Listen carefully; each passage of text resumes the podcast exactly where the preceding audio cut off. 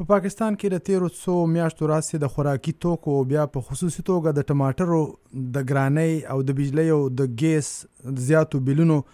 غریب ولس په ژوند ستومانه کړی دی چې ځینې اقتصاد پوهان یې یو لوی علت د روپۍ د بیې غورځېدل ښایي. د پاکستاني روپۍ د پرله پسې غورځېدو په اړه په رېډیو د ماهرینو بحث ته په حجره کې ناستو خلکو غوږ نیولی و او ډېر اندېښمن وو چې ورسره به ګراني نوره زیاته شي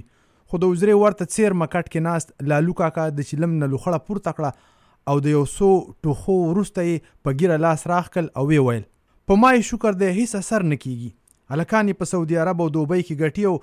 اوس به په چوکیادګار کې لږ ریالونه په ډېرو کالدارو بدلوم، زما خو پکې نوره هم ښه شوه. د هغه څنګ ته ناست عمرګل کاکا چې هر وخت رېډیو اوري ډېر په قهر مخ ورواړو او وې ویل، لال خانه! سړی چې په کومه خبره نه پوهېږي، نو غلی کېني.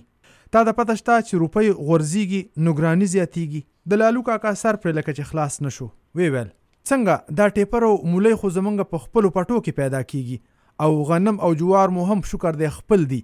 نو بیا د ډالرو د ګرانۍ او د کالدارې د ارزانېدو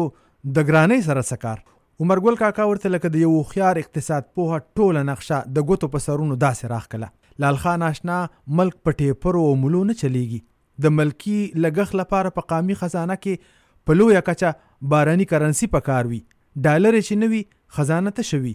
او بله دا چې ستا په ملک چې کومه سل اربه قرضه ده هغه په روپو کې نه په ډالرو کې ده چې وړاندې به دې دغه سل اربه ډالرو لپاره لس زره دوه سوه روپۍ ماتولې نو اوس به دغه سل اربه ډالرې پوره په پنځلس زره اربه روپو اخلې نو تا وانه ورېدل چې د ډالر بیه د شپږ شلو نه یو نیم سلو ته په ختلو باندې په یوه ورځ کې د ملکي قرضو بوج دېرش اربه روپۍ زیات شو. د لالو کاکا په خوله قچۍ ګوته نه ننوتله، سترګې یې داسې بخې کړې وې لکه چې په خوب کې یې په مرۍ خپڅه ناسته وي. عمر ګل کاکا ورته وویل، لالو د روپۍ غورځېدو سره ګراني داسې راځي چې د ملک ټوله مشینري په بهرني تېلو ګرځي او بهر ملکونه تېل په روپو نه په ډالرو خرڅوي، نو چې په یو ډالر پنځوس روپۍ زیاتې ورکوې نو تېل به کوم ځای ته رسي او بیا چې حکومت ګران تېل واخلي نو په تا خو به یې ارزان نه خرڅوي. بیه به یې نوره هم خیژي. نو بیا چې په بس کې چوکیادګار ته ځې نو د بس کلینډر به درنه د پنځوس روپو په حساب زیاته کرایه نه اخلي بلکې پوره سل روپۍ به درنه زیاتې اخلي. بیا خو تود تنور وي هر څوک ډوډۍ ورپورې کوي. هر سړی چاړه نوره تېره کړي. عمرګل کاکا ورته نسوار تازه کړل او ویې ویل، او بله دا چې د کلي دوکانداران چې په ګرانه بیه د ښار نه سودا خپل د کلي دوکان ته راوړي نو هغه به درله هم سمه ملا ماتوي نو ته ووایه زور به یې د چا نه وځي او لال خانه دا یې لا څه کې چې روپۍ ارزانه شي نو د مزدورانو دیاړي او د نوکر پیشه خلکو تنخواګانې به زړه په زړه وي یو د مړی به پکې هم نه زیاتیږي او نه به ستا مولی ټیپر یا ګوړه او ګني او تماکو په ګرانه بیه خرڅیږي خو ته چې کوم توکي د بازار نه په بیه اخلي هغه به درته ګرانیږي. عمر ګل کاکا په یوه ساه لګیا و. لال خانه! کور هم یوازې په ټیپرو او ملو نه چلیږي، دارو درومل، جامه پیزار او چای چیني هم په کار وي، چې د ډالر د ګرانیدو سره به دغه هر څه هم ګرانیږي. عمر ګل کاکا لالو کاکا ته